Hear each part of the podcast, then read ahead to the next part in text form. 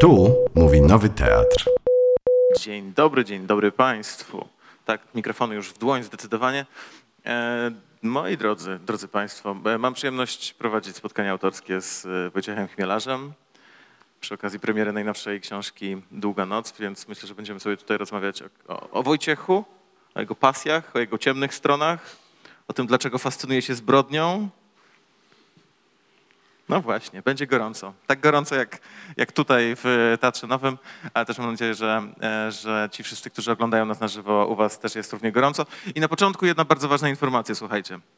Ja wiem, spotkania autorskie, poważna sytuacja, wszyscy są napięci, ale ja bym chciał was zaktywizować.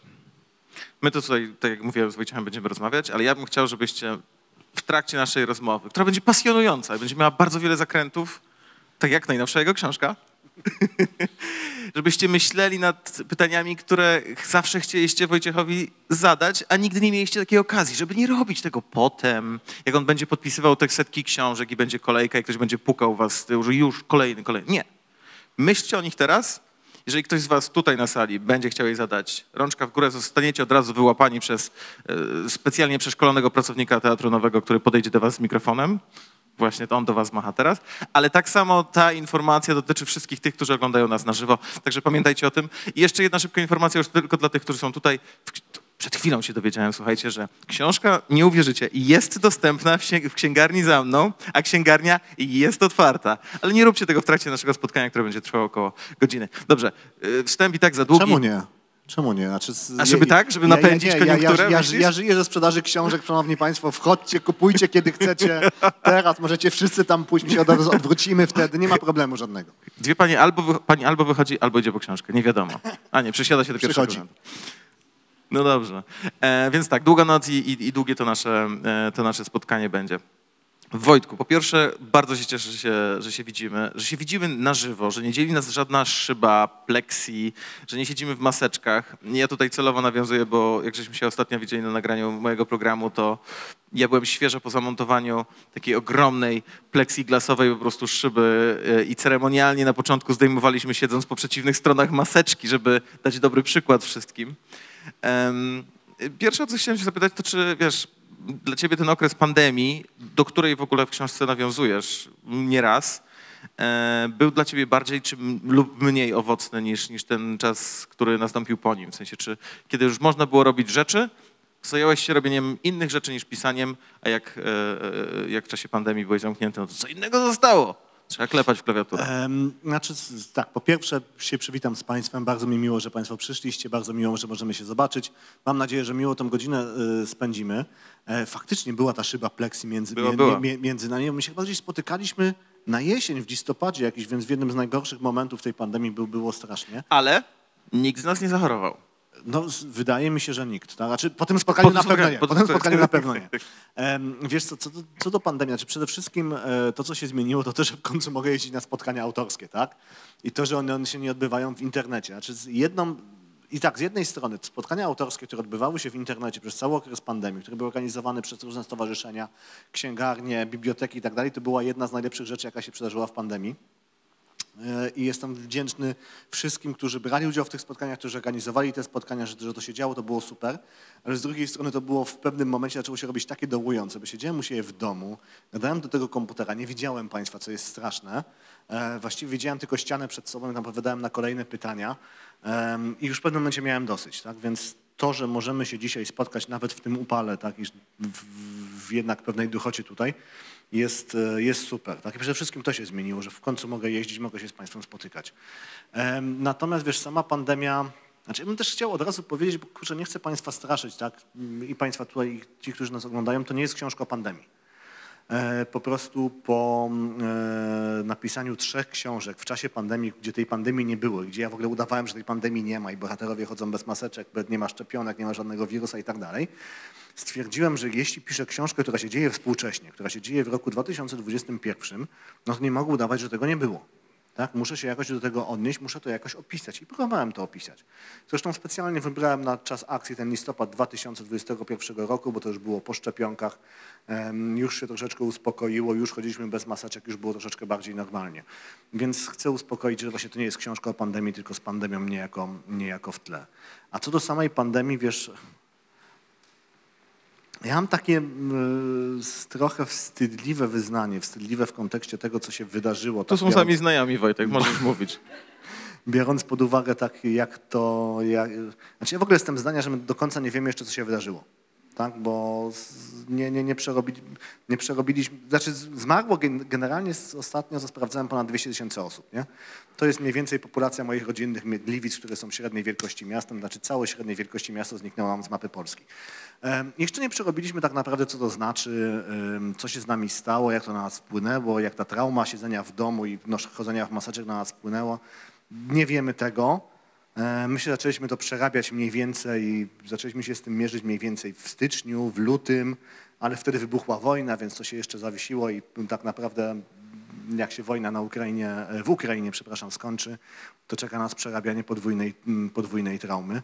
Em, Natomiast e, wstydliwe wyznanie dlatego, że ja generalnie pandemię wygrałem. Znaczy, z jednej strony dlatego, że ja, w, jak pandemia się zaczęła, rok 2020, miałem wydać nową książkę. Ta książka się nazywała Wyrwa. I w marcu, jak byliśmy wszyscy zamknięci, e, zadzwoniła do mnie e, moja wydawczyni i pytała, panie Wojtku, co robimy z Wyrwą? Ponieważ wszyscy wtedy, wtedy odwoływali premiery, bo było wszystko zamknięte, wszystkie księgarnie były zamknięte. Nie? Ja powiedziałem tak, no pani Haniu, no ja bym tą książkę wydał, bo z jednej strony widzę, że czytelnicy na tą książkę czytają, czekają, a z drugiej strony, okej, wszyscy przekładają premiery na jesień, wtedy będzie straszny tłok, a poza tym my nie wiemy, jak ta jesień będzie wyglądać. Może będzie jeszcze gorzej, więc kurczę, nie ma co zwlekać. No i pani Hania powiedziała, panie Wojtku, ja myślę podobnie. W związku z tym, raz w życiu byłem na pierwszym miejscu sprzedaży na topce Empiku i to było wtedy, ponieważ wtedy nikt inny nie wydał swojej książki. Byłem jedynym tak znanym autorem, który wtedy wydawał nową książkę, więc jeśli chcieli Państwo przeczytać coś nowego, to musieliście kupić wyrwę. To nic innego nie było. A co najlepsze, książka się bodajże ukazywała, nie wiem, strzelę 15 maja, nie 10 maja wyszedł pan premier Morawiecki i powiedział, że otwiera księgarnię. Więc e, stojący tam Kuba Ćwiek chyba nawet do mnie napisał, że mam jakieś świetne układy w rządzie, bo specjalnie na moją premierę poluzowują nam obostrzenia covidowe. Nie? Więc, Ja wejdę ci na sekundę w słowo, bo Wojtek, tak, pierwsze miejsce w topce Empiku, ale przecież teraz, kiedy wszystko wróciło do normy, widziałem, że pisałeś i tak jest, że jesteś trzeci, tak? nie, znaczy, nie, nie, nie, o, nigdy nie byłem trzeci, znaczy jestem czwarty, ale w topce kryminalnej, słuchaj. A, kryminalnej, A w topce ogólnej jestem na mocnym 19 miejscu chyba teraz. Gonisz czołówkę. Rozumiem. E, go, znaczy mam nadzieję, że gonię, gonię czołówkę, ale e, znaczy ta topka empikowa, ona jest oczywiście jakimś wyznacznikiem tego, jak się książka sprzedaje, ale ona nie jest wyznacznikiem absolutnym. To znaczy e, z, w, zdradzę Państwu realia rynku książki. Z tego co wiem, topka empikowa po prostu ujmuje to, co się sprzedaje w internecie. Tak? A już czego się nauczyłem, moje, moje książki lepiej się sprzedają w księgarni na, na, na, półkach. Więc tak sobie zawsze na to patrzę i się, jest to jakiś dla mnie wyznacznik, jak to idzie, ale nie wyznacznik absolutny. Ale oczywiście chciałbym być wyżej. Pogadajmy chwilę o książce, bo e, to jest konstrukcja, znaczy jest milion oczywiście wątków, które chciałbym poruszyć, ale e, zacznę od tego, który chyba najbardziej mnie przykuł przy, przy tej części. Ja bardzo lubię dzieła, bardzo lubię książki, filmy, e, które mają tak określone ramy czasowe, jak na przykład jedna noc, jeden dzień, 24 godziny, 48 godzin. I ty postanowiłeś taki patent e, w pewnym sensie zastosować. To mi przypomniało też, że, że i z tobą, i z różnymi, i z różnymi e, pisarzami czy artystami, jak rozmawiam, nadanie sobie takich ograniczeń, no bo to z zewnątrz może wyglądać jak ograniczenie, bywa bardzo kreatywne. I zastanawiam się, czy ty właśnie miałeś kilka jakichś takich patentów w związku z tą, albo może innymi książkami, które sam sobie narzucałeś, będące najpierw ograniczeniem, ale tak naprawdę pozwalające właśnie, żeby, e, że mogłeś stworzyć coś ciekawego, bo nie mogłeś wszystkiego, tak? Nie no, oczywiście. Znaczy ja w ogóle bardzo lubię różne ograniczenia, które albo sam na siebie nakładam, albo ktoś mi je narzuca tak, przy, przy, przy innych projektach, bo one właśnie wbrew pozorom pobudzają info, wyobraźnię. Tak? To, jest jakąś, to jest jakaś przeszkoda, którą po prostu trzeba pokonać e, i, albo ująć ją w ramach historii, tak żeby to było naturalne i to, i to dobrze działało. Wiesz co, no takim najlepszym przykładem, jak to u mnie działa, no jest przede wszystkim żmijowisko, tak? Które żmijowisko się wzięło stąd, że chciałem napisać w końcu kryminał, e, gdzie głównym bohaterem nie będą policjanci. tak? i gdzie mm, nie będzie takiego policyjnego śledztwa, tylko to będzie historia o zwykłych ludziach, którzy są postawieni w niezwykłej e, sytuacji. I od tego, i to był jeden z punktów wyjścia do myślenia e, o tej książce właśnie. Okej. Em, W tej książce postanowiłeś, a no bardzo istotne, postanowiłeś przenieść, tak jak powiedziałeś, że, że piszesz e, w roku 2021, ale połączenie e, osi czasowych w stosunku do poprzedniej książki z cyklu, to jest 10 lat, jak sam mówiłeś. Gdzieś to wy, wyłapałem, że paradoksalnie to był dla ciebie dość duży, jeżeli dobrze to rozumiem, że to był dla ciebie duży problem, żeby popchnąć akcję i popchnąć głównego bohatera o 10 lat, żeby, wiesz, narysować to, co się w jego życiu wydarzyło, bez pisania tych, e, tych, tych książek, bez, wiesz, po prostu opisywania tego, co się działo w ciągu, w ciągu 10 E, lat. Tak, bo to znaczy, zacznijmy od tego, wiesz, w ogóle po co to jest. Tak? Znaczy, te s- cienie się kończyły bodajże w grudniu 2010 roku, tak? Więc jakbym chciał pisać chronologicznie, czy jakby, żeby, żeby się akcja kolejnej książki była zaraz po zakończeniu cieni, no to musiał być rok 2011. Ja po prostu zdałem sobie sprawę, że nie pamiętam tak naprawdę, jak wtedy wyglądała Polska, jak wyglądała Warszawa. I to chodzi głównie o takie mm, e, e, szczegóły, Albo nie, podam Państwu przykład. Tak? Jak pisałem Cienie w roku 2017, em, czyli tam była ta różnica czasowa w stosunku wtedy, kiedy ja to pisałem, a kiedy się dzieje książka, tylko 7 lat, no to w Cieniach jest taka scena na, na dworcu centralnym, kiedy jeden z bohaterów tamtędy biegnie. Ja ją napisałem, tak się zatrzymałem i kurczę, to, był, to jest koniec 2010 roku. My się wtedy szykowaliśmy do euro, a tym dworcu centralnym chyba wtedy był jakiś remont. Nie zacząłem googlać ten remont i faktycznie znalazłem zdjęcia, gdzie było pokazane, gdzie stoją płoty, gdzie była budowa i, i się okazało, że nagle w, w tą drogą, którą on biegł, nie mógł biec. Tak? I, I dlatego w tej scenie jest, znaczy w, tak, w tej scenie jest scena, przepraszam jak to brzmi, gdzie on ten płot, płot odgina, żeby się na drugą stronę e, e, przedostać. Tak? Ale to są takie szczegóły, tak? których ja już nie pamiętam. Tak? Która ulica była zamknięta, co się przebudowywało, e, co, y, ale też jakiej muzyki się słuchało. Tak? W roku 2010-2011, gdzie się wychodziło na miasto, co się jadło wtedy, co było wtedy modne, jak się ludzie ubierali. To jest ileś tam szczegółów, których ja już nie pamiętam, a na których bardzo łatwo się e, wyłożyć. Więc to, to jest, e, e, i, i to był główny powód, gdzie stwierdziłem, ok, ja chcę tą kolejną część, żeby ona była bliżej mnie czasowo, żebym nie musiał tego wszystkiego googlać, żebym się nie musiał zastanawiać, czy nie popełniłem jakiegoś strasznego błędu e, w opisywaniu e, fabuły. No i faktycznie, kurczę, wymyślić, co się działo z bohaterem przez e, 10-11 lat, mm, jakoś się nie rozpisując bardzo na ten, na ten temat, by, było ciężko. E, Na szczęście ta misja w Europolu w Hadze jakby bardzo naturalnie, naturalnie wyszła i się udało w pewnym telegraficznym skrócie to wszystko e, opisać. Powiedz o Europolu i o Interpolu może tutaj wszystkim. Opowiedz wszystkim historię. Czym się różni jedno od drugiego? Bo ja na przykład nie jestem specjalistą i Znaczy, ja, dla mnie jedno Inter- i to samo. Interpol jest organizacją międzynarodową różnych, różnych policji, gdzie z, i, i, i to światowych, gdzie, gdzie należą po prostu policje z, z całego świata, w tym także Polska. Tego jego siedziba jest w Lyonie. I teraz tak, znaczy ja w ogóle marzyłem sobie o tym, żeby Mortka siedział we Francji, tak? Także dlatego, żeby trochę się przypodobać tym Francuzom, bo oni też wydają moje książki.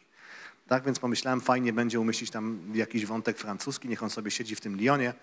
W ogóle w Lyonie jest taki przepiękny i fantastyczny festiwal kryminału. Ja od lat marzę, że mnie tam zaprosili i mnie nie zaprosili ciągle. Więc w ogóle to, cały był plan wokół tego, nie? Rozpisany i sobie pomyślałem, że będą po prostu fajni. Ja też, ponieważ do tej Francji jeżdżę, więc trochę tą Francję znam z takiego życia codziennego. Wiem, gdzie oni robią zakupy, więc ja wiem, jak te sklepy wyglądają, wiem, jak wyglądają ich knajpy.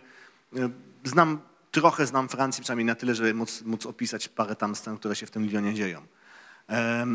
No i Mortka no tam sobie siedzieć przez te 10-11 lat, y, jeść bagietki, popijać y, wino i, i tak dalej.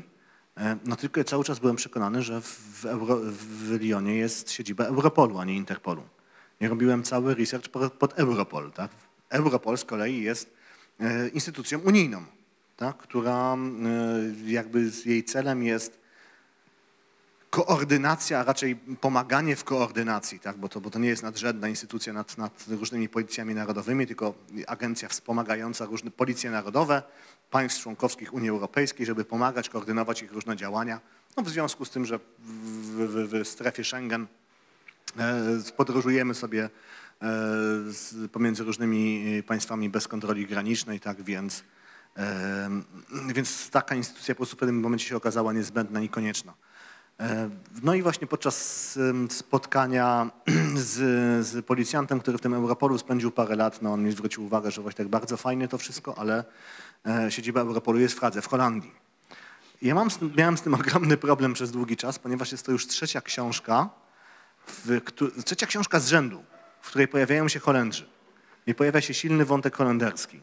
I wygląda tak, że jakbym się, jakbym się tym Holendrom strasznie podlizywał, oni nawet nie wydają moich książek.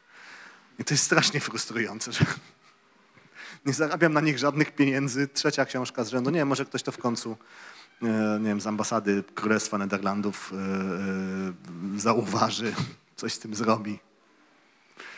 No, więc tak, tak, tak to wyglądało, tak, więc, ale mm, no dowiedziałem się właśnie o, o, o- różnych ciekawych rzeczach, które, które się robi w Europolu. Ja generalnie opisuję w książce i, i te wszystkie rzeczy, które tam spotykają, e, mordkę są, są na podstawie rzeczy, które mi opowiedzieli policjanci, którzy tam byli na tak zwanej misji.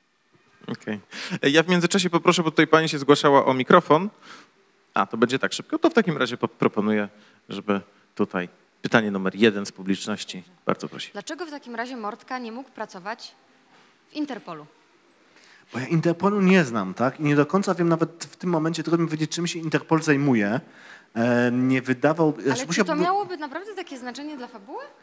E, Kurczę, to jest tak, że ja lubię się poruszać w obszarach, które znam, tak? I zrobiłem cały research na temat Europolu, czym się zajmuje, co tam się dzieje i tak dalej, jak on działa, tak? I nagle jakbym musiał wejść na szybko w ten Interpol, więc musiałbym albo robić ten research od nowu, y, Łatwiej było zmienić nawet miejsce, lo, lo, lo- lokalizację niż, niż, niż, niż agencję, tak?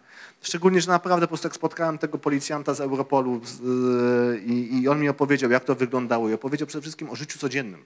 Tak jak wyglądało jego życie, życie codzienne i w Hadze, tak jak się mieszka w Holandii. Tak on mnie na przykład y, powie, y, powiedział, że on właściwie ani słowa nie potrafi powiedzieć po holendersku, bo w Hadze się nie mówi po, po, po holendersku, tak? bo tam mieszkają sami dyplomaci, sami osoby z, innych krajów, tam się, się mówi po angielsku i holenderskiego to nikt nie używa. Tak? Ileś tam szczegółów życia codziennego, które po prostu mogłem zawrzeć w książce, mogłem opisać i też z, z na jakim, to, co mnie interesowało, bo, bo, bo to są fajne szczegóły, tak? Jak wygląda stołówka w, w Europolu? No już, to wiedziałem, tak? Nie wiem, jak wygląda stołówka w Interpolu. Nie? I, i, I to fajnie wszystko opisać, fajnie wszystko, fajnie wszystko pokazać, jak się o tym wie. Więc było mi po prostu łatwiej. Ja myślę, że Wojciech e, e, też tutaj nie chciał właśnie dopuścić takiej sytuacji przy tak lekką ręką wykonanej zmianie z Europolu na Interpol, żeby doszło do błędu, o którym kiedyś opowiadał, który mógłby się wydarzyć. Jak u mnie byłeś, to mówię, że mm, sytuacja kiedyś się przytrafiła taka, że pani napisała, że całą lekturę książki, tylko nie wiem, której to była e, książki lektura, i zepsuł jeden szkopuł. Mianowicie Wojciech napisał, że pani biegła w wysokich 12-centymetrowych szpilkach. I czytelniczka się oburzyła na tyle, że postanowiła nap- napisać czy na spotkaniu? Nie, na, na, spotkaniu, Na spotkaniu. powiedzieć, że właśnie... Nie, nie, nie, właśnie powiedziałem, że... że e, inaczej, ja, ja, ja napisałem w Wampirze, to, to, to jest szczegół z Wampira, gdzie napisałem, że pewna, pewna pani przyszła na spotkanie e, i chyba nawet szła z trudem na wysokich 12-centymetrowych szpilkach. No właśnie. I pani do mnie podeszła i powiedziała, panie Wojtku, ja, ja w takich szpilkach biegam. Tak? I, I ja ją rozumiem, tak? bo to są takie szczegóły, które naprawdę potrafią zepsuć przyjemność fabuły, bo kurczę, to jest coś, co zawsze e, powtarzam. To, co jest najważniejsze, kiedy my czytamy książkę, i tutaj mówię jako czytelnik, tak? to jest ten stan zawieszenia niewiary. Tak? To jest ten moment, że my wierzymy w historię, którą, e, e, o, o której czytamy. I oczywiście my możemy w nią nie wierzyć przed rozpoczęciem czytania książki, możemy z nią nie wierzyć e, po przestaniu czytania książki. Na przykład mam na myśli teraz książki fantastyczne, nie? Prostu wiemy, że nie ma żadnych wymyślonych krain, gdzie, się, gdzie latają smoki, tak? Ale w momencie, kiedy czytamy książkę, wierzymy, że ta historia jest prawdziwa. Dobra, do czego zmierzam? I ten stan zawieszenia nie, nie, nie, niewiary tak naprawdę z mojego doświadczenia najłatwiej e, zepsuć drobnymi błędami. Właśnie jak z tymi szpilkami, tak? I ta pani, kurczę, zobaczyła te szpilki, stwierdziła, że ja nie mam pojęcia, o czym piszę w momencie, kiedy piszę o szpilkach, w związku z tym pewnie nie mam pojęcia, o czym piszę w stosunku cały do tej całej książki. Co nie do końca była prawdą, ale ja ją rozumiem, bo ja przeżywałem takie same historie w przypadku innych książek, gdzie pojawiał się jakiś drobny błąd. Miałem już po prostu zepsutą całą przyjemność, wiesz, czytania, bo wiedziałem, że nie, kurczę, autor nie zrobił takiego prostego mm, researchu, więc mi jest wstyd teraz za te szpilki. Dlatego przyszedłeś w sneakersach i okej. Em, A powiedz, bo to jest już oczywiście powrót do, do, do serii z em, Jakubem Mortką. Czy w przypadku tej książki musiałeś, poza tym, wiesz, m, o czym rozmawialiśmy, rozmawialiśmy przed chwilą, czyli że, że 10 lat minęło, czy coś specjalnego musiałeś zrobić, doszkolić się właśnie, żeby, żeby to w odpowiedni sposób opisać? Bo ja trochę oczywiście mam w głowie, ale nie prowadziłem, szczerze mówiąc, nigdy spotkania em, z pisarzem a propos e, książki kryminalnej. Ja się boję w ogóle cokolwiek o fabule mówić, bo za chwilę chlapnę za bardzo i będzie w topa, E, więc... Nie, to, to jest właśnie e, koszmarem, jeśli się rozmawia o książkach kryminalnych, że nie możemy rozmawiać o fabule. No właśnie to jest I- takie, wiesz... I, i, Bo ja wiem, kto zabił. ja, ja, ja, ja, marzę, ja marzę, żeby zorganizować spotkanie, zresztą padło na, na, na pomysł z widowni na, na spotkaniu na warszawskiej targach książki, żeby zorganizować takie spotkanie z ludźmi, którzy przeczytali książkę. Nie, żeby Ale w osobnej sali. W osobnej sali właśnie, żeby można rozmawiać właśnie ze spoilerami ten, i żeby, że mógł wytłumaczyć, a dlaczego ten jest winny, a dlaczego nie, dlaczego w ten sposób prowadziłem fabułę, a, a- a nie w inny, żebyśmy mogli się nad tym wszystkim pozastanawiać i po tym wszystkim podyskutować. Wiesz co, przede wszystkim, tak, ponieważ minęło 11 lat, no to y, ja też miałem taki problem z y, kwestią, jak wygląda w ogóle polska policja w roku 2021. A jak wszyscy wiemy, to był problematyczny czas dla polskiej policji i jej wizerunku. To był problematyczny czas dla polskiej policji i dla jej wizerunku, ale też zmieniły się po prostu takie rzeczy, o których my nie wiemy. To znaczy, w książce pada w pewnym momencie takie stwierdzenie, że z tego wydziału, gdzie Mordka pracował w momencie, kiedy go nie było, odeszło półtora pokolenia. Tak? I, I to była pierwsza rzecz, któ- któ- którą mi powiedzieli osoby, które, które mi powiedziały osoby, które znają od wewnątrz policji, jak ona wygląda. Kiedy im powiedziałem, że chcę wrócić do Mordki i chcę, żeby się akcja książki działa współcześnie, oni mi powiedzieli, Wojtek, on nie będzie znał ani jednej osoby w tym wydziale, kiedy do niego wróci. Tam się cały wydział zmienił, plus z tych osoby, które się zmieniły, odeszła kolejna połowa i teraz tam pracują po prostu zupełnie ludzi i to notabene e, dotyczy całej policji. Tak? E, Jednym z konsultantów z książki, m, co, co jest na, na, końcu e, na, napisane, e, bo ja z nim konsultowałem to, jak wygląda przesłuchanie policyjne, tak? jak poprowadzić przesłuchanie policyjne, bo duża część książki właśnie dzieje się w pokoju przesłuchań, jest Adam Bigaj. To jest były policjant z Wrocławia. e, On napisał właśnie z Kubą Ćwiekiem e, e, taką książkę, jest to się nazywa Bezpański, tak, gdzie opisuje właśnie swoje, swoje życie policyjne i to jest fascynująca lektura. I rozmawialiśmy akurat o dolnośląskiej policji, tak, o dolnośląskiej policji, no gdzie się dzieje to, co się dzieje, to znaczy największe skandale w polskiej policji, tak, Igor Stachowiak.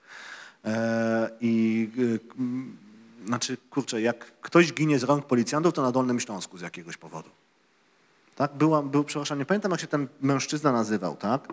E, który z, m, zo- zamknął się w swoim mieszkaniu, e, groził, że popełni samobójstwo. Rodzina wezwała policję, to jest prawda, że sprzed dwóch lat, nie? Em, Rodzina wezwała policję, policja weszła do jego mieszkania i w czasie interwencji facet zginął. Tak? I policjanci się tłumaczyli, że mm, on nim groził nożem. Są co do tego różne wątpliwości, już nie wchodźmy w to, jak było. Tak? Natomiast to, co mi strasznie otworzyło oczy, to jak poruszyłem ten temat właśnie rozmowę, ten, z, w, w czasie rozmowy z Adamem Bigajem, e, było to, e, kiedy on powiedział, bo ja mówię, ale Woj, e, mówiłem mu, Adam, ale oni mówili, że on im groził nożem. On mi na to, Wojtek, ale kto komu wszedł do domu? Tak? I to jest jakby pokłosie tego, co się stało w polskiej policji całej w, w przeciągu tych ostatnich 11 lat. Mnóstwo ludzi odeszło. Znowu cytat z książki, bo, bo tak, tak to wygląda. Tak? Kiedyś, jak przychodził młody policjant i, i szedł na tą patrolówkę, to e, wsiadał do samochodu z policjantem, który miał 10 lat doświadczenia na ulicy. I ten policjant widział na tej ulicy wszystko i wiedział, jak się zachować. Tak, bo on dosłownie miał, miał gigantyczne doświadczenie i przekazywał to doświadczenie temu swojemu młodemu partnerowi. Teraz, jak przychodzi młody policjant na służbę, ma szczęście, jak wysyłają go na patrol z policjantem z dwuletnim stażem. co ten policjant z dwuletnim stażem potrafi. Nie dlatego, że z nim jest coś nie tak, bo on się miał kogo nauczyć, on potrafi dać pałą. I to jest naprawdę przerażające i e, najbardziej to widać właśnie na Dolnym Śląsku niestety. Tak? I o tym wszystkim musiałem napisać, bo jak, jak słuchałem tych byłych policjantów najczęściej i e, nie, nie wszyscy wymienieni, e, wymienieni w, w, w, w książce, no to naprawdę mi troszeczkę e, stawały włosy dęba na karku, bo sobie pomyślałem, kurczę, no trochę strach teraz wzywać policję. Optymistycznie. Ja z Wojtkiem tak zawsze jest. Zawsze Znaczy, ja- jak chcecie Państwo optymistyczne, znaczy ja mogę przekazać optymistyczną wiadomość. Rozmawiałem przy okazji innej książki z policjantem akurat z województwa lubuskiego i on mi powiedział, Wojtek, tak dobrze jak będzie za pięć lat, to nigdy nie było. Tak, bo z, z rok temu, dwa lata temu, jak zwiększono pensję w policji, to, przysz, to przyszedł naprawdę fajny nabór. Tylko ci ludzie muszą się wyszkolić. I będą naprawdę fajni ludzie w policji. Em, jesteś bezlitosny w stosunku do policjantów, ale też mówisz, że mm, musisz, musiałeś być, chciałeś być przez lata bezlitosny wobec głównego bohatera, wobec Mordki. Ale ci to przeszło w stosunku, przeszło ci to Ej, ja dalej książce. chcę być bezlitosny wo- wobec No właśnie, Znaczy, i to chciałem powiedzieć, bo ty jesteś cały czas tutaj, powiedzmy, że nie traktujesz go naj, najłagodniej, najłagodniej się ta książka też, też nie kończy. Mm. I wiesz, i, i, i ty mówisz o tym, że coś na początku twojej kariery, której też 10 lat świętujesz w tym roku, czy będziesz świętował? Nie wiem jak bardzo, nie wiem czy przeżyjemy, ale e, wiesz, zastanawiam się, czy, mm, czy to katowanie głównego bohatera to jest taki proces, który wiesz, zmierza do zabicia go, zmierza do, do czego zmierza? Czy to jest po prostu cały czas ten, to paliwo, które sprawia, że chce ci się pisać w taki, a nie inny sposób i jego przygody? Znaczy, słuchaj, znaczy generalnie z, e, chodzi o to, że co jest najciekawsze w powieści, kiedy, kiedy się najfajniej czyta książkę, tak? Kiedy głównemu bohaterowi coś się przydarza, tak? Kiedy on staje przed jakimiś e, wyzwaniami, musi się z tymi wyzwaniami zmierzyć e, i po drodze się kilka razy przewraca. Tak? I, I o tym mówię w kontekście mm, e, katowania. Znaczy, ja wolę opowiadać, że po prostu trzeba kilka razy swojemu bohaterowi dać w trakcie książki kijem po plecach. I to jest fajne. Tak? Kurczę, jest taki piękny przykład klasyki polskiej literatury, jak to działa. Tak? Znaczy e, trylogia em, Henryka Sienkiewicza. Tak? Absolutnie nigdy nikogo nie obchodził, nie obchodził Skrzetuski. Wszyscy go mieli gdzieś, ponieważ Skrzetuski był bohaterem, któremu zawsze wszystko się udawało, zawsze mu wszystko wychodziło, e, zawsze był szlachetny, zawsze był dobry. Kto jest seksownym bohaterem w trylogii? Kto jest fajnym bohaterem w trylogii? Kmicic. Nie? Bo Kmicic daje przez cały pierwszy tom trylogii niesamowicie dupy. Nie? Prostu wszystko mu nie wychodzi, jak może popełnić e, jakikolwiek błąd, to go popełnia, e, wszystko się źle dzieje, nie? upada wiesz, na, na, na, sa- na samo dno, dopiero się potem podnosi i taką mm, krętą drogą wy, wychodzi na ludzi. Tak? I generalnie ta, tak to wygląda w każdej powieści. Znaczy, ciekawi są ci bohaterowie, którzy upadają. Tak? Ja też, także w powieściach kryminalnych, czytałem opowieści, czy, czyta, czytałem historie o bohaterach, którym zawsze się wszystko wy, udaje, którzy zawsze są fajni. To nie było ciekawe. Więc ym, ja, ja mówiłem, na początku miałem takie podejście, wiesz, że e, głównego bohatera swojej powieści nie, nie wolno lubić. Autor nie powinien lubić bohatera swojej powieści, bo jak go lubi za bardzo, to właśnie mu za bardzo idzie na rękę. Dzięki temu temu bohaterowi jest łatwiej i właśnie nam wychodzi nieciekawa historia. Teraz już troszeczkę zmądrzałem i rozumiem, że można lubić swojego bohatera, nie ma w tym nic złego, natomiast trzeba mieć do niego dystans. No i właśnie lepiej, żeby to był dystans tego kija, żeby móc mu e, od czasu do czasu, od czasu walnąć i stworzyć ciekawą historię. A jak przez 10 lat katowałeś głównego, innego głównego bohatera, czyli samego siebie? Innymi słowy, no wiesz, trochę też chcę nawiązać, no bo skoro jednak okrągła dycha w tym roku, to e, i patrząc na tę serię, i patrząc na inne książki, czy ty w ogóle jesteś refleksyjny i tak sobie już myślisz o tym, że przysiądziesz z lampką czerwonego wina w listopadzie i powiesz tak, 10 lat minęło, Wojtek, dobra robota, parę stron poszło. Nie chcę oczywiście tutaj, wiesz, takie benefisowe tony uderzać, bo nie mamy takiego wielkiego fotela a la Tron. Tak to wygląda, nie? Jakbyśmy szli w stronę benefisu jeszcze za wcześnie, bo podpala przecież wyszedł w listopadzie, więc jeszcze parę miesięcy. E, wiesz co, na pewno wiem, co mi się udało przez te 10 lat zrobić. przy pomocy innych ludzi, notabene, bo to jest to, to też zabawne, bo mm, jak rozmawiamy o literaturze, jak rozmawiamy o, o wydawaniu książek, to nam się wydaje zawsze, że to jest y, autor, nie? Autor siedzi, pisze książkę, potem tą książkę wydaje, ta książka wydaje, ta książka odnosi sukces albo nie, a jak odnosi sukces, no to hurra, fantastyczny autor. To nie do końca tak działa, tak? Znaczy za, za książką, każdą książką stoi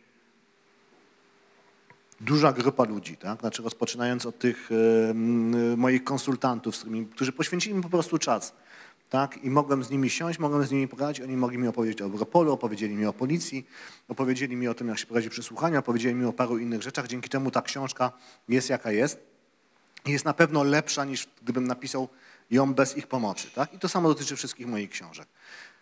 To, jest, e, to są redaktorzy, tak, którzy, bo się mówi, znaczy potoczne myślenie o redaktorze to jest, że to jest ktoś taki, kto po prostu siedzi i poprawia przecinki, poprawia błędy składniowe, ortograficzne.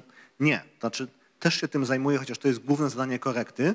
Natomiast redaktor w moim mniemaniu to jest człowiek, który głównie sprawdza, że ta książka ma sens.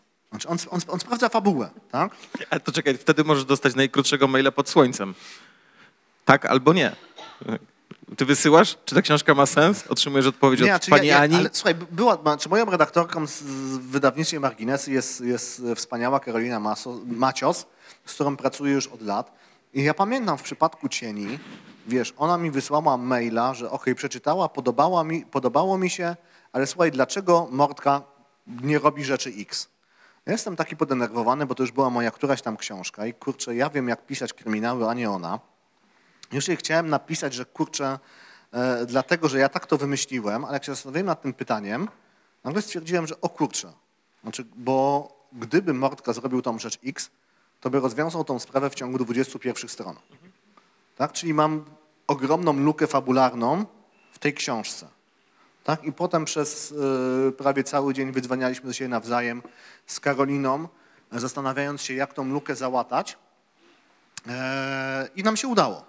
I nam się udało, tak? Teraz tego, tego błędu nie ma. E, Ale właśnie tym się zajmuje redaktor, tak? Redaktor między, in- czy między innymi, tak? Wyłapywaniem takich rzeczy, tak? Wyłapywaniem też e, błędów faktograficznych, tak? Że, że, że gdzieś tam się pomyliłem, em, czegoś nie dopilnowałem, nie sprawdziłem wystarczająco starannie. To, to jest robota redaktora. E, I tym się zajmuje właśnie, właśnie Karolina ze, ze, ze swojej strony. Mm, Jest oczywiście korekta właśnie, która już się zajmuje głównie tym, tymi, e, tymi, tymi, tymi przecinkami i e, literówkami, błędami ortograficznymi, co jest też ważne, tak? bo chcemy, żeby ta książka wyglądała. Są ludzie, którzy projektują okładki, są ludzie od składu, tak? więc jest naprawdę cała machina, która za mną stoi, już nie mówiąc o dziale handlowym, który dba o to, żeby tą książkę sprzedać. Tak? E, więc przez te 10 lat, okej, to jest puenta, przeszedłem drugą, długą drogę i mam niewiarygodne szczęście, że w tej e, drodze em, towarzyszyli mi fantastyczni ludzie, od których się mogłem dużo nauczyć.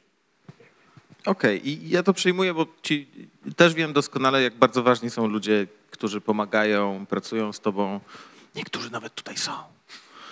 Em, ale ja się zastanawiam, ale wiesz, ale to ty siedzisz na kanapie i, i, i ja się zastanawiam, czy na przykład mm, domyślam się, że nie otwierasz swojego debiutu, czy drugiej, czy trzeciej książki raz na jakiś czas, żeby do niej zerknąć. Jeżeli tak robisz, robisz tak?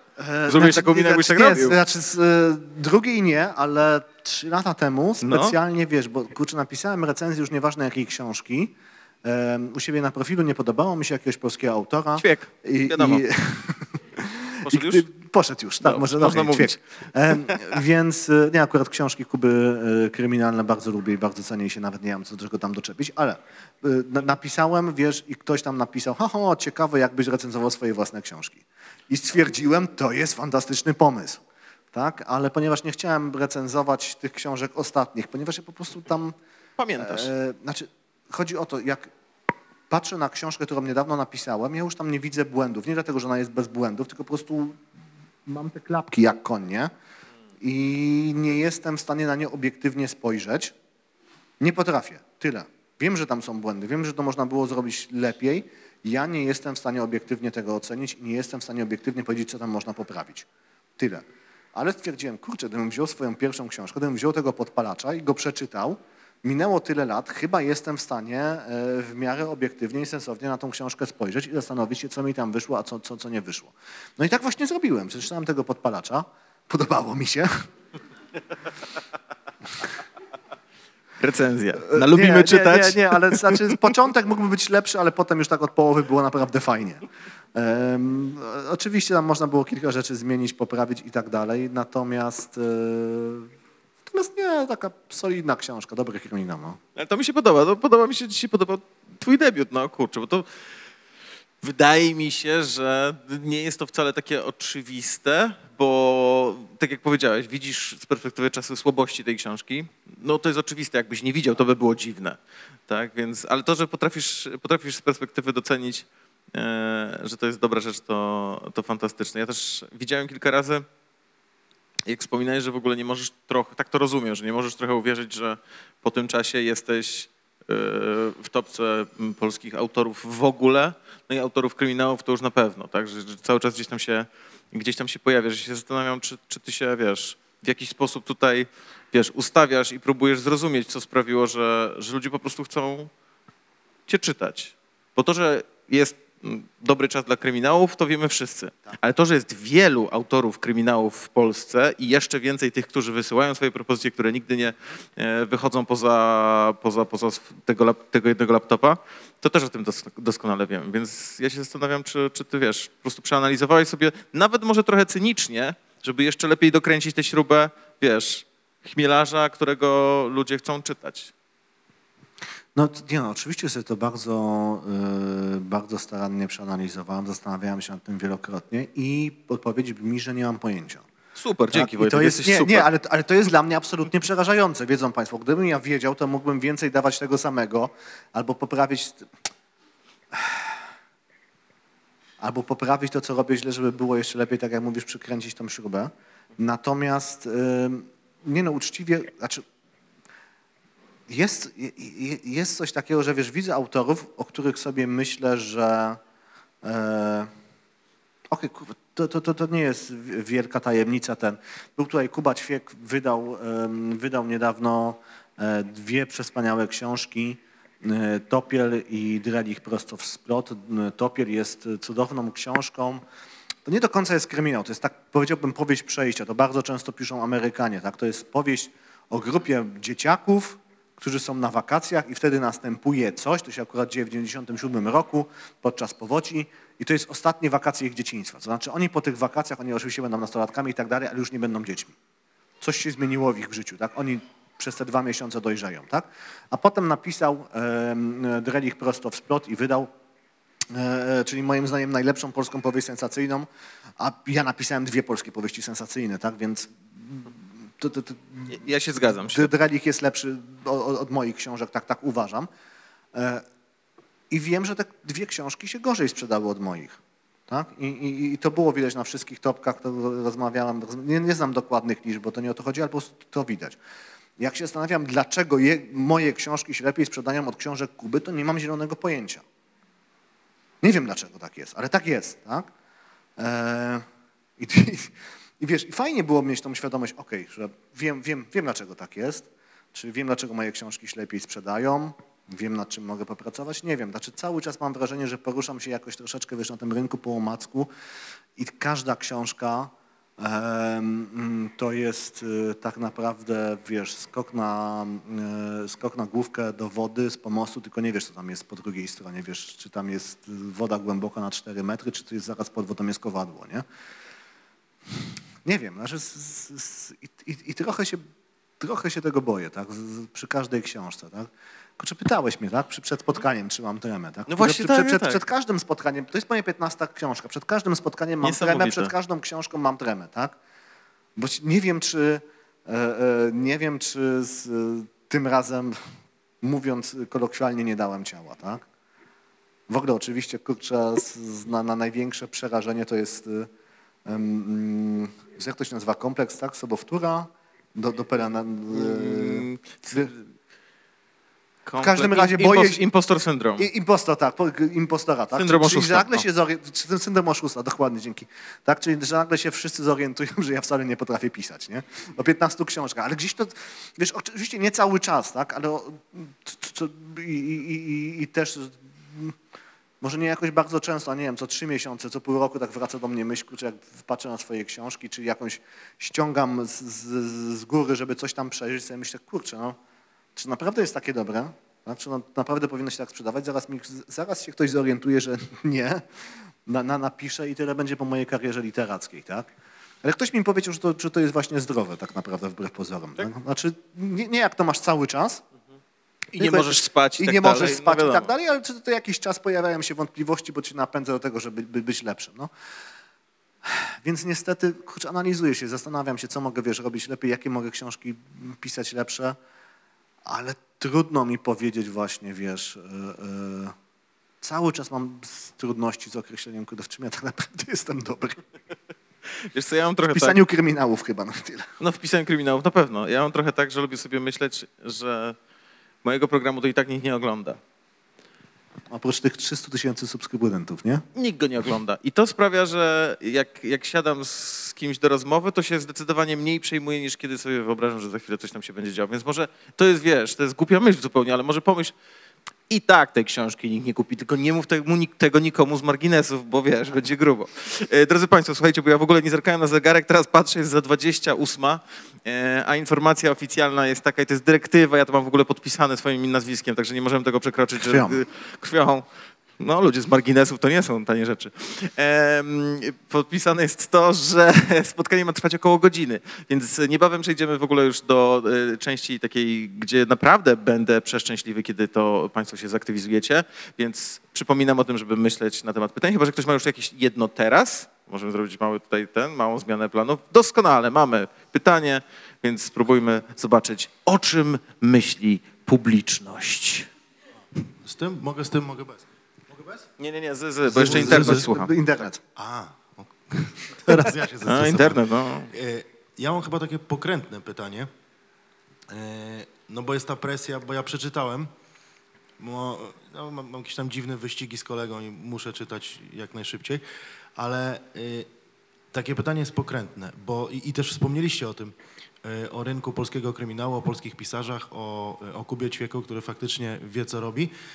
Ale jeżeli byśmy sobie wyobrazili taką sytuację, że przy kolejnych przygodach Mordki, kolejna siódma część, byłoby takie narzucone zadanie, że trzeba byłoby sobie pożyczyć, wpleść w historię, czy zaprosić do historii jakiegoś bohatera, też z branży kryminalnej, y, detektywa, policjanta, y, czy powiedzmy dociekliwego dziennikarza, od innego pisarza, to kogo by pan pożyczył? Ćwiek się w życiu nie Okej, zgodzi. znaczy, z- nie, ale rozumiem, że to jest ten, że to jest, że, że, że, musi być. W- no.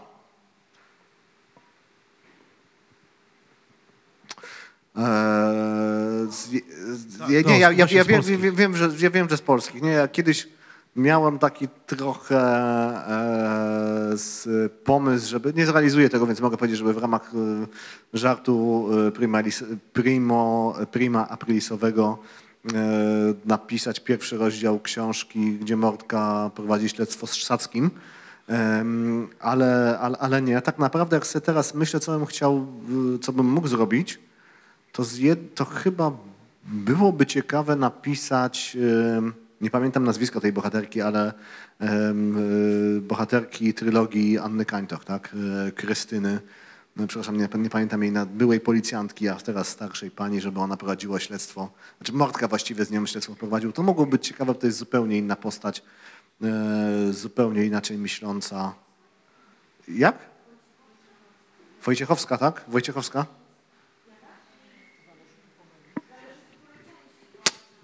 Krystyna, Krystyna po prostu, wiemy o kogo chodzi, Anna Kańtoch. E, e, Lesińska. No, ale ja widzę, że teraz państwo z Google'a korzystają. To już, a, to nie taki ale, teleturniej, ale w okej? każdym razie, jak, jakbym musiał, to bym chyba poszedł w, w tą stronę. się zastanawiam. Oczywiście jakoś kusi Drelikt, bo to jest zupełnie inna postać, ale, ale chyba to byłoby zbyt oczywiste, bo z Kubą robimy zarazem. Z, z, z, ale w- nie, nie, nie, to, to byłoby zbyt ten, zbyt, zbyt podobny do siebie, tak? Myślałbym bardziej, wiesz, y, Drelich z, z Mordką, tak? Ale, ale to byłoby zbyt oczywiste, bo z Kubą robimy za dużo rzeczy z, wspólnie. Musiałbym sobie jeszcze, albo od, o, wiem z kim, o, to byłoby ciekawe. Em, bohaterka powieści Jacka Galińskiego. Ty, ty, ty, tych pięciu o starszej pani. Ale to byłoby ciekawe, ale to byłoby ciekawe, bo to jest Jacek Galiński, to jest w ogóle... Słucham? Zofia Wlikońska, tak. Jakbym musiał, to, to, to z nią, bo to, są, bo to zupełnie inna konwencja, zupełnie inne postacie, po prostu byłoby ciekawe, to byłoby wyzwanie, tak? A to jest dla Państwa, którzy nie czytali, e, to jest bohaterka e, bodajże już w tej chwili pięciu kryminałów Jacka Galińskiego, komedii kryminalnych, taka bardzo złośliwa, e, wredna, starsza pani, a przy tym przezabawna, o bardzo silnej osobowości, świetna bohaterka, więc to naprawdę byłoby by ciekawe i zresztą powieści Jacka Galińskiego też Państwu serdecznie polecam. To ja dziękuję.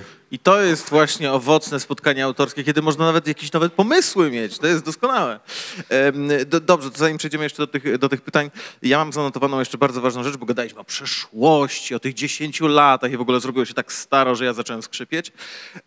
Ale chciałem cię zapytać, no bo przyznałeś się do tego, że byłeś na planie Wyrwy i że to jest coś, co się dzieje i to jest coś, co będzie i tam są w ogóle świetni aktorzy i to jest robione przez kapitalnych ludzi i to będzie niebawem, więc powiedz o tym, o tym trochę, bo być może jeszcze nie wszyscy wiedzą, co będzie można oglądać tak dla odmiany, a nie czytać. Em, Znaczy, okej, już chyba mogę powiedzieć, to nie jest wiel- wielka tajemnica, że oczywiście e, wystąpię, wystąpię w Wyrwie e, w przełomowej roli, jak to nazwano w scenariuszu, lokalny pijaczek numer dwa. E, więc e, wy, wypatrujcie mnie, wypatrujcie mnie. Rola mówiona, co jest ważne. Ro- rola mówiona. E, nie, więc, więc byłem na planie, e, pojawiłem się, e, było fajnie. No film, film z- zostały już chyba skończone zdjęcia, to też można powiedzieć, w fazie postprodukcji jest. Kanal Plus i Kino Świat ogłosiły, że, że premiera będzie w pierwszym kwartale przyszłego roku, więc, więc czekamy. E, I to fajnie, bo właśnie m, Bartosz Konopka, ma, ma, czyli reżyser, ma czas, na, ma czas na, na, na zrobienie montażu i przygotowanie tego filmu. Oczywiście w obsadzie Tomasz Kot, Grzegorz Damięcki i, i Karolina Gruszka i parę jeszcze innych fajnych osób. Wydaje mi się, że wyjdzie coś fajnego. Znaczy ja przede wszystkim jestem tam zachwycony e, scenariuszem Mariusza Ciastonia, ponieważ akurat w przypadku, tak jak w przypadku Żmijowiska byłem współautorem scenariusza, tak tym razem w ogóle tego scenariusza nie tykałem. I to wyszło, wyszło scenariuszowi na dobrze, bo po prostu Mariusz e, e, Ciastoń, e, Marcin Ciastoń, przepraszam, wymyślił takie rzeczy, że to jest tak, jak się bierze książkę, trzeba ją dostosować do wymagów dużego ekranu, tak? Znaczy trzeba tą fabułę troszeczkę ścieśnić, żeby się zmieściła w tych dwóch godzinach. Pewnych rzeczy, które są naturalne w książce, na przykład monolog wewnętrzny bohatera, nie można pokazać na ekranie, trzeba to zrobić w inny, w inny sposób. Trzeba tam pokombinować. No i Marcin napisał scenariusz, który z jednej strony jest bardzo wierny książce, ale z drugiej strony jest dostosowany właśnie do tych realiów e, ekranowych. Em, No i wymyślił, żeby to zrobić takie rzeczy, na które, na które ja bym nie wpadł. Tak? Między innymi to, że skrócił akcję do 7 dni, tak? co, jest, co jest fascynujące, bo u mnie akcja się toczy przez kilka miesięcy, on to w 7 dni zrobił. I to dobrze działa na ekranie, i to dobrze działa w tym scenariuszu, bo po prostu się cały czas coś dzieje, cały czas akcja idzie do przodu, a nie, że tam się przez kilka miesięcy snują i właściwie nie wiadomo, co robią. Więc, e, więc, więc fajnie. No, bo te kilka miesięcy, żeby była jasność, świetnie działa w książce, na ekranie by nie zadziałało. A z drugiej strony patrząc i, i, i trochę w nawiązaniu do Długiej Nocy, e, książki, które się dzieją w czasie tak krótkim, świetnie się mogą przenosić na ekran. E, Czy wszyscy filmowcy w Polsce to słyszeli?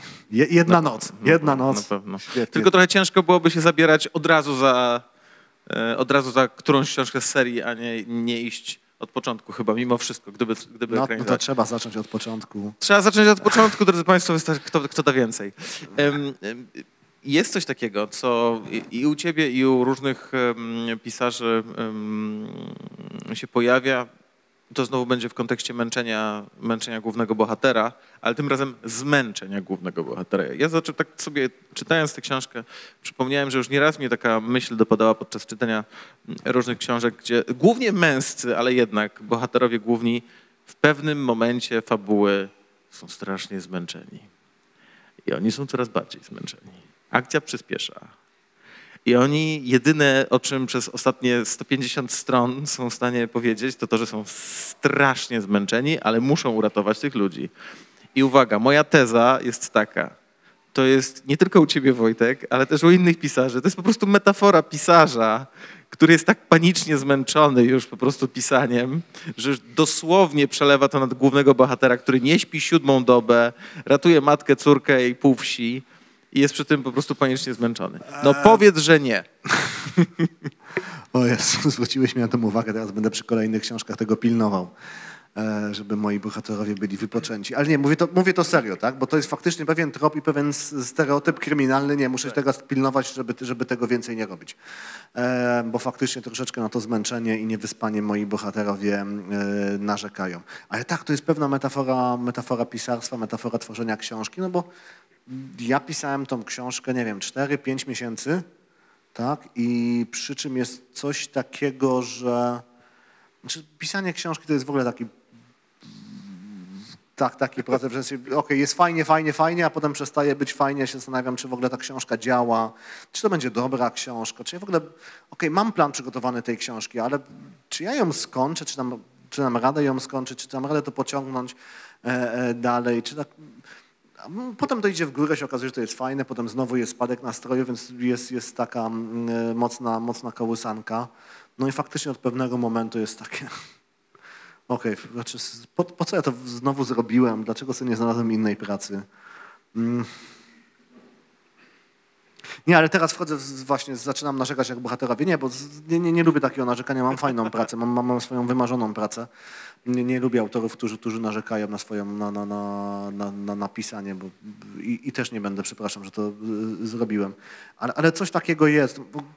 Nawet najfajniejsza praca, nawet najfajniejsza praca to jest ciągle praca, nie? I w pewnym momencie po prostu przychodzi tak, takie znużenie i tak samo jest z pisaniem. Ja mam nadzieję, że będzie lepiej. Drodzy Państwo, bo ja już i tak przeciągnąłem strunę. Na pewno macie wiele pytań. Yy, Państwo tutaj i Państwo przed yy, komputerami siedzący też je możecie cały czas zadawać. Bardzo proszę. Ja mam pytanie troszkę pozaksiążkowe, e, ale widziałam na Instagramie rano, że się chciał pan pochwalić, a temat nie padł, także jak to jest przebiec 10 kilometrów w swoim najlepszym życzewym czasie? Em, no, ale tak, żeby była jasność, to nie jest jakiś wybitny czas, bo to jest 56 minut i 14 sekund bodajże. Ale z jednej strony bardzo fajnie, z drugiej strony bolą mnie nogi. Po prostu z, troszeczkę się boję, ale jest, jak, jak wstaję z, wstanę z tej z kanapy, e, O ile? e, o ile wstanę, to, to, to, będzie, to będzie to dziwnie wyglądało. Ale nie, mm, f- fajnie było, no. I co przy takiej, jak się biegnie tą życiówkę, to co w słuchawkach leci? Audiobooki czy muzyka? Muzyka, muzyka. Nie, ja nie potrafię, mm, jak biegam, słuchać audiobooków z tego powodu, że e, kiedy bieganie to jest taki moment, kiedy mi się najlepiej wymyśla, może nie całe książki, ale fragmenty książki. Mi wtedy umysł odpoczywa i mm, przychodzą na myśl różne pomysły, tak? I kiedy, nie, nie, nie, jakbym słuchał audiobooków, bym nie potrafił się skupić na, to, na tym, co, co, jest, co jest w mojej głowie. Więc zawsze słucham e, muzyki. Natomiast e, dzisiaj, no nie, słuchałem muzyki, ale żaden dobry pomysł mi nie przyszedł do głowy, bo niestety zorientowałem się dosyć szybko, że mam dobry czas. Dobrze biegnę, może będzie, będzie dobry wynik. I po prostu przez cały ten 10-kilometrowy bieg, bo, bo na trasie, na której jestem, są oznaczone odległości tam co pół kilometra, to nieustannie dokonywałem jakichś skomplikowanych działań matematycznych w głowie, ile mi czasu jeszcze zostało, jak szybko muszę biec, ile czasu muszę nadrobić, albo, e, al, al, albo takie rzeczy. Więc nic, nic fajnego dzisiaj nie wymyśliłem. No. No dobrze, prosimy o pytania. Prosimy o pytania. Bardzo proszę. Tutaj pani. Gdzie jest mikrofon? A, pan poszedł. Można mikrofon? Gdzie jest mikrofon? Znikł. Aha, a, pan, a pan Łukasz jest z mikrofonem. Nie, no fajnie. Tutaj, tutaj pani ma pytanie. Tu, tu, tu, tu, tu, tu. A dobrze, no, to, to a, się uda. Proszę nie regulować odbiorników. Zaraz będzie mikrofon. Halo Warszawa. Bardzo prosimy. Gdyby nie książki, to co? Wyobraża pan sobie jakąś inną pracę, inną pasję, w której się można realizować? E, Szczerze rzecz mówiąc, e, nie za bardzo tak naprawdę. Znaczy ja pracowałem jako dziennikarz, pracowałem jako analityk do spraw gospodarczych. Jako analityk byłem cał, całkiem niezły, muszę tutaj przyznać. Potrafiłem pewne rzeczy wyłowić, pe- pewne rzeczy zauważyć i pewnie to bym robił, tak? Ale to nie jest ta wymarzona praca. To, to, to nie jest to, co chciałem zrobić. Ja właśnie mówiłem dlatego, że wcześniej, że nie lubię tego narzekania na, na, na pracę pisarza, dlatego że sobie zdaję sprawę, jakim wielkim szczęściarzem jestem, tak? I że mam tą niewiarygodną satysfakcję, że udało mi się spełnić życiowe marzenie, czyli nie dość, że piszę książki, nie dość, że ktoś te książki wydaje, to jeszcze jestem w stanie się z tego utrzymać. Niewielu pisarzy tak naprawdę może to mm, o, o sobie w Polsce, w Polsce powiedzieć. Więc yy, to zawsze chciałem robić i cieszę się, że to robię. No. A od kiedy? Jaki był moment przełomowy? A nie, to ja pisałem od zawsze. Wie pani, od, od, od kiedy pamiętam, wymyślałem jakieś historie, od kiedy nauczyłem się pisać, to je zacząłem zapisywać. E, To były opowiadania, to były, to były jakieś, nie wiem, mm, dłuższe formy, boję się tego nazwać powieścią, tak, ale no, jak, jak, jakie- jakieś dłuższe historie. I w pewnym momencie stwierdziłem, kurczę, może to by, to ktoś by chciał to przeczytać, może napiszę jakąś książkę i spróbuję ją wydać, tak? No i tak zrobiłem. Okazało się, że nikt nie chce jej przeczytać. No autentycznie wysłałem to do duży, dużej ilości wydawnictw, wszyscy, wszyscy to, to odrzucili. E, Natomiast jak sobie w pewnym momencie, właśnie po odrzuceniu tej książki zadałem pytanie, co ja potrafię, bo to była taka książka obyczajowa z wątkiem kryminalnym. Jak sobie zadałem pytanie, ok, co było w tej książce fajne, tak, i starałem się uczciwie sobie sam odpowiedzieć, co było w tej książce fajne, co mi się udało, to stwierdziłem, że kurczę, ten wątek kryminalny był całkiem, całkiem. Nie może ja po prostu powinienem pisać kryminały, a że szczególnie, że to był dla mnie e, bardzo bliski gatunek, em, to wsiadłem i napisałem podpalacza. I tego podpalacza już ktoś chciał wydać, e, e, czyli wydawnictwo czarne, natomiast tam też były pewne przeboje i pewne, pewne wertepy po drodze, ale się udało i, i koniec końców dzisiaj się spotykamy tutaj. Całe szczęście. Całe szczęście. Mamy pozytywne akcenty. Dobrze. Tutaj pani chyba z przodu. Tutaj chyba pani krzesło. Tak, tak? Pani w słuchawkach, nie? A, myślałem, Nie, przepraszam. tutaj pan, tutaj Tutaj pan, dobrze, przepraszam. Ach, bo to trzeba tak za kamerą biegać. A, państwo w pro. domach tego nie widzicie. Pełen No profesjonalizm. E, Kuba Ćwiek czy Aneta Jadowska e, to pisarze, którzy lubią, e, żeby odpocząć od swoich bohaterów, między innymi od Dory Wilk czy od Nikity, lubią eksperymentować z różnymi gatunkami literackimi. I moje pytanie, czy jest jakiś gatunek, którym chciałby się pan sprawdzić, inny niż kryminał? E, Jasne, są dwa takie e, gatunki w jednym na pewno się e, sprawdzę, w drugim nie wiem. Tak, więc pierwszy gatunek, w którym chciałbym się sprawdzić i się w nim sprawdzę, to jest horror. Tak, już mam wymyślony horror, bardzo będę go chciał e, napisać e, i go napiszę i mam nadzieję, że w przyszłym roku będziecie go mogli Państwo przeczytać, ale to jeszcze zobaczymy, niczego tutaj nie obiecuję, bo się różne rzeczy mogą wydarzyć. Druga, a drugi gatunek, w który bym bardzo chciał się spróbować, e, ale nie wiem, czy kiedykolwiek mi się to uda, nie wiem, czy znajdę ze sobą odwagę. E, Erotyk, tak, tak, tak, e- e- erotyk, tak. Taki cichy głos z tyłu.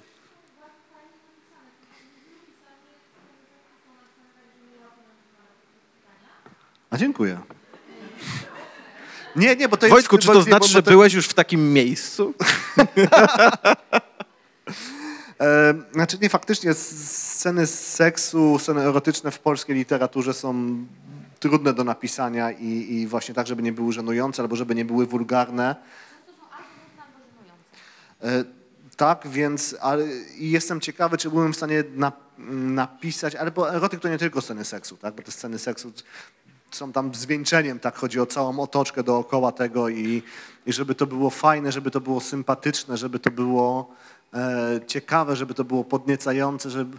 Czy ja w ogóle miałem taką, e, e, mm, taką ideę, żeby napisać erotyk, ale żeby to był erotyk o małżeństwie tak? gdzie po prostu ma, mamy, mamy parę z wieloletnim stażem i oni próbują różnych rzeczy. Tak? I mamy całą historię na ten temat.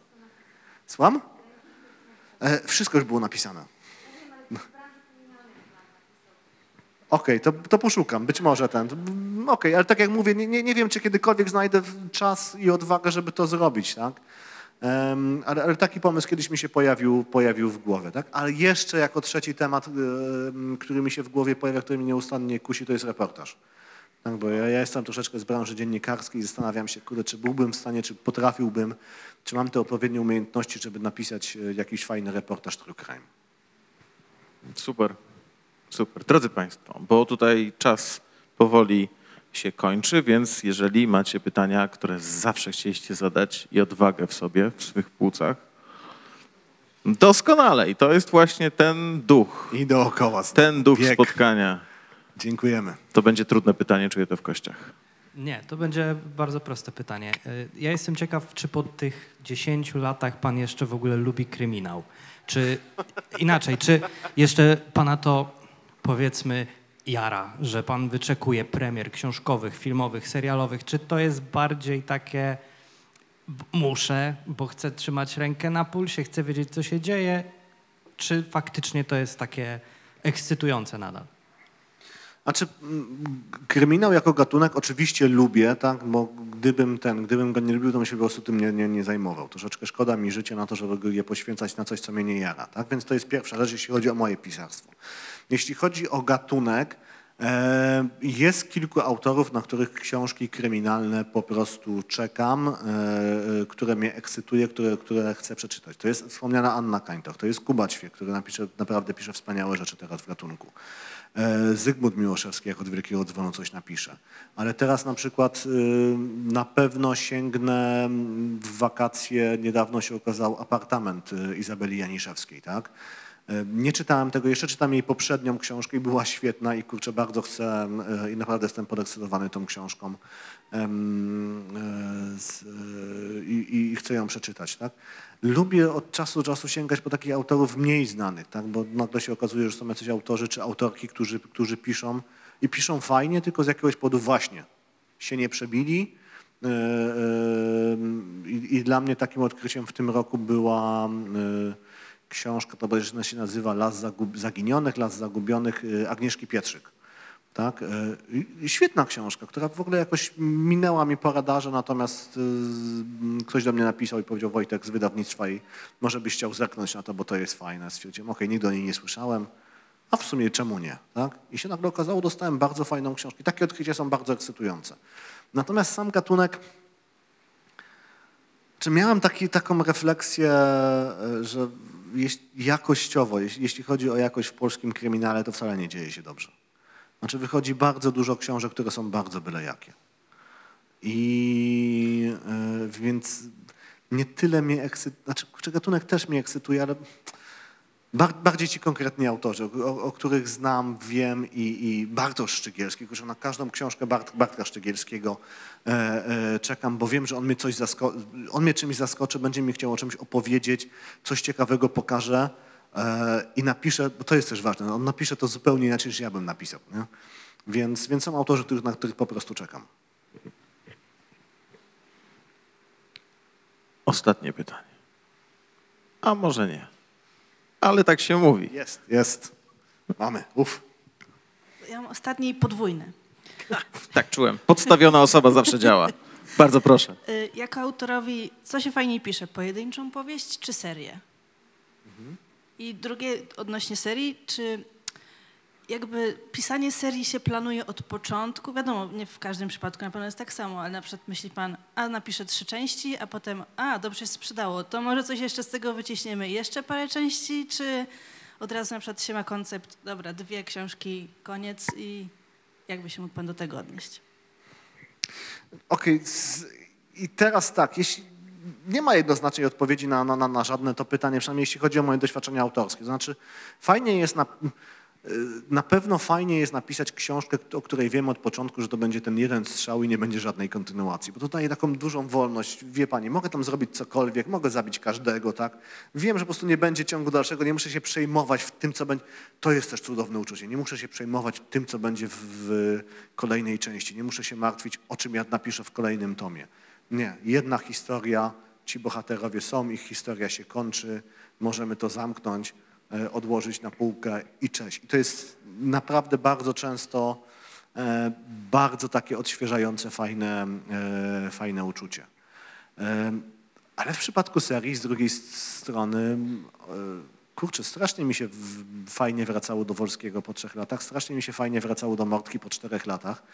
Jest takie, ja znam tych bohaterów. Dużo czasu razem spędziliśmy. Fajnie o nich znowu napisać, fajnie zobaczyć, co u nich słychać, fajnie znowu opisać ich jakieś przygody, jak- jakieś dzieje. dzieje. To, jest, to jest też przyjemne, tak? Więc to zależy od nastroju, to zależy od momentu, w którym ja jestem pisarskim, tak? Że, że w danym w pewnym momencie twierdzę, z, z, czuję, że nie, kurczę, nie ma sensu się mierzyć z kolejnym tomem, bo to będzie na siłę. Tak, tak, tak bardzo często jest, że po prostu czuję, że kurczę, pisanie kolejnego tomu, to, tomu z danego cyklu w danej chwili będzie na, na, na siłę i nic fajnego z tego nie wyjdzie. Spróbujmy z czymś innym. Ja na przykład mam pomysł na, na, na wyrwę, mam pomysł na żmijowisko, tym się zajmijmy. Potem wrócimy do tych, do tych bohaterów. Em, więc to zależy od momentów w moim, moim pisarskim życiu.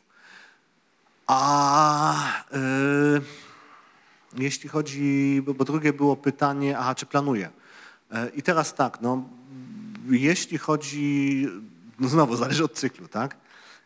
Mam trzy cykle tak naprawdę, na, jeden zakończony, czyli myślę teraz o, o cyklu gliwickim, tak, z Dawidem Wolskim. No od początku wiedziałem, kiedy pisałem pierwszą część, wiedziałem, że jeśli to wyjdzie, jeśli mi ta pierwsza część y, się uda ją napisać, bo to była troszeczkę taka rozbiegówka, gdzie chciałem zobaczyć, czy ja w ogóle potrafię takie rzeczy pisać, to wiedziałem, to będą trzy części, opisujemy pewną historię życia Dawida i zamykamy sprawę, dalszego ciągu nie będzie, bo ta po- postać jest po prostu na tyle specyficzna, na tyle irytująca, że przeciąganie tego na kolejne części po prostu, Państwo będziecie mieli go dość, ja go będę miał dość, nic z tego nie wyjdzie, a trzy tomy, fajnie tutaj pewną, pewną historię opowiemy. Em, O Mordce wiedziałem, że to jest z kolei taki bohater, o którym mogę pisać do śmierci, o ile tylko będę mieć dobre pomysły i to podtrzymuję. Jeśli wpadnie mi pomysł na dobrą, czyli nie planuję kolejnej, znaczy planuję kolejną część, że chciałbym ją napisać, ale nie mam na nią pomysłu. Tak, jeszcze. Ale jak wpadnę na dobry pomysł, to oczywiście chętnie napiszę. A ten cykl sensacyjny o bezimiennym to mi troszeczkę wyszedł bez, przez przypadek i właściwie nie wiem, dokąd mnie to prowadzi w tej, w tej chwili. No dobrze, to ja proponuję takie ostatnie, ostatnie pytanie i niech to będzie taki, taki mocny akcent na zakończenie. Kto z Państwa ma odwagę? Bo jak nie, to ja mam zapasowe pytanie i Wojtek go nie chce usłyszeć. Wierzcie mi. To dawaj, spróbujmy. To ja i tak wtedy zadam to moje, którego Wojtek na pewno nie chce usłyszeć. Chciałam zapytać o, chciałam zapytać o audiobooki yy, i w sumie to się odnosi trochę do tego pytania o serię. Ym, Na ile ty jako autor masz możliwość wyboru lektora albo jakiekolwiek prawo głosu i ym, dlaczego jest tak i to jest i dlaczego jest tak u wielu autorów, że kto inny jest mordką w audiobooku numer, znaczy kto inny jest głównym bohaterem w audiobooku numer jeden, i kto inny jest bohaterem w audiobooku numer coś tam. W sensie jest inny lektor, na przykład ja bardzo dużo y, słucham audiobooków i często słucham jednego po drugim, dosłownie kończę i zaczynam kolejny i kiedy mam ten przeskok w lektorze, bardzo mnie to gryzie. I bardzo tego nie lubię i często mnie to zniechęca. Jasne, znaczy z, y, od dłuższego czasu jako wydawnictwo trzymamy się, jeśli chodzi o Mordkę Janusza Zadury i z tego co wiem, Janusz Zadura też czyta tą najnowszą część, tam tylko bodajże Marcin Mastalerz czytał pierwszą Podpalacza, część Podpalacza, też, tak? tak.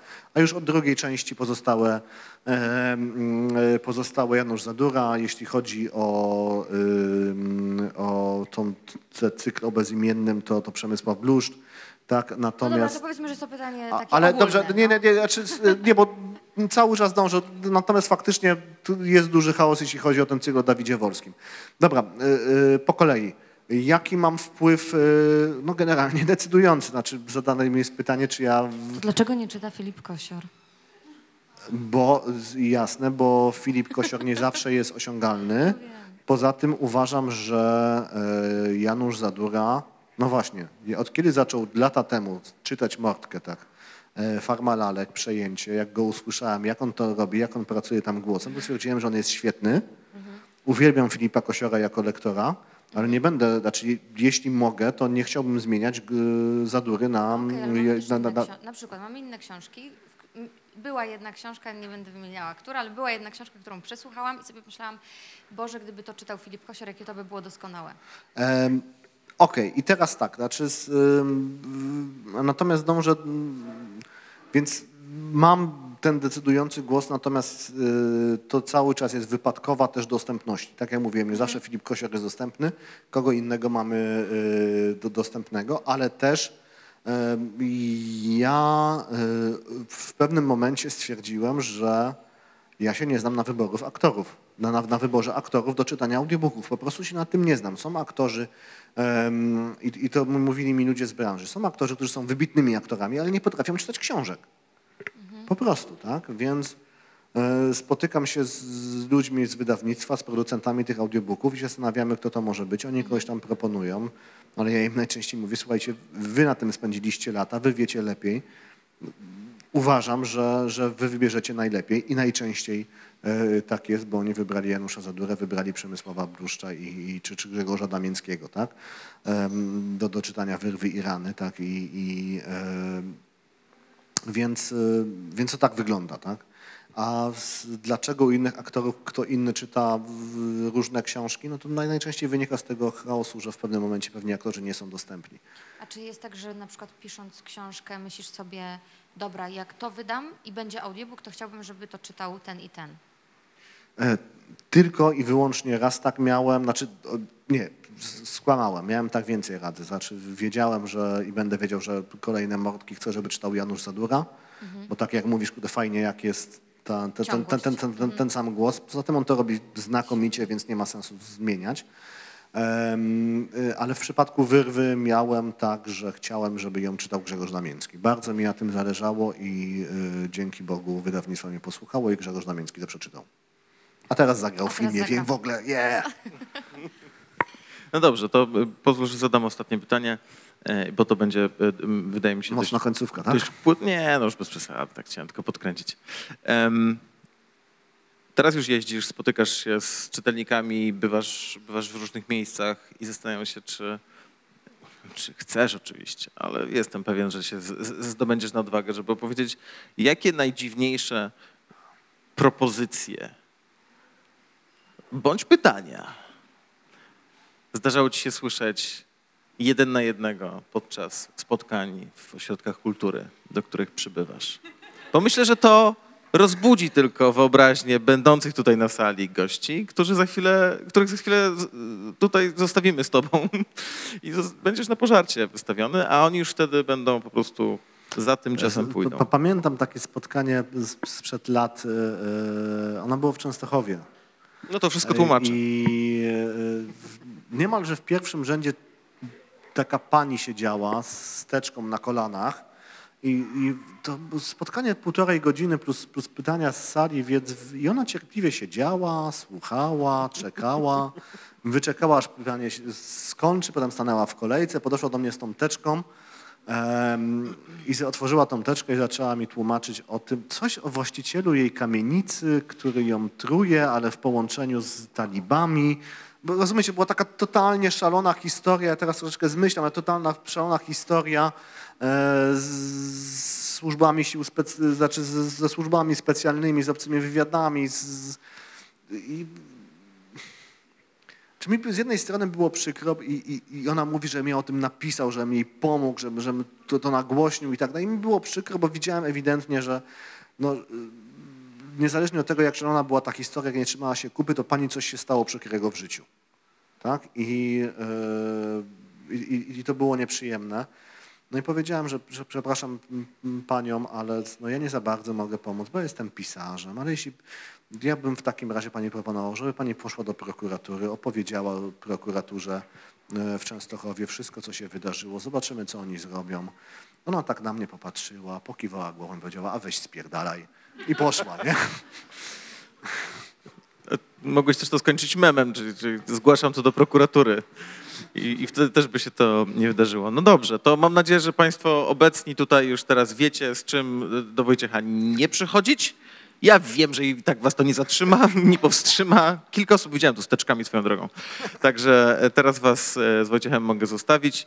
E, Przypominam również, że książki są do nabycia za nami, są do nabycia, teraz mówię do internetu, w księgarniach, w empikach, online. Nawet widziałem, a to też wtrącę, bo widziałem taką promkę, że jak się kupi czytnik pewien, to twoja książka tam jest w ogóle wczytana już. Tak, ten znaczy, znaczy czytnik. nie, że się dostaje ten, dostaje się kod, że można sobie pobrać No ale de facto kupujesz Tak, i chyba musimy powiedzieć, powiedziałeś, że to jest e, czytnik e-booka, tak? Znaczy, musimy właśnie. to powiedzieć, tak? I dostajesz, i dostajesz za darmo książkę. I dostajesz tę książkę, dostajesz długą noc. Nie tak. każdą książkę, uspokójcie się. Tę książkę, Jedną. jedną książkę, nie całego chmielarza, ale jest taka promocja, więc książka jest dos- dostępna dosłownie wszędzie. E, Wojtku, gratuluję, pięknie Ci dziękuję. Dobrego wieczoru. Dziękuję bardzo.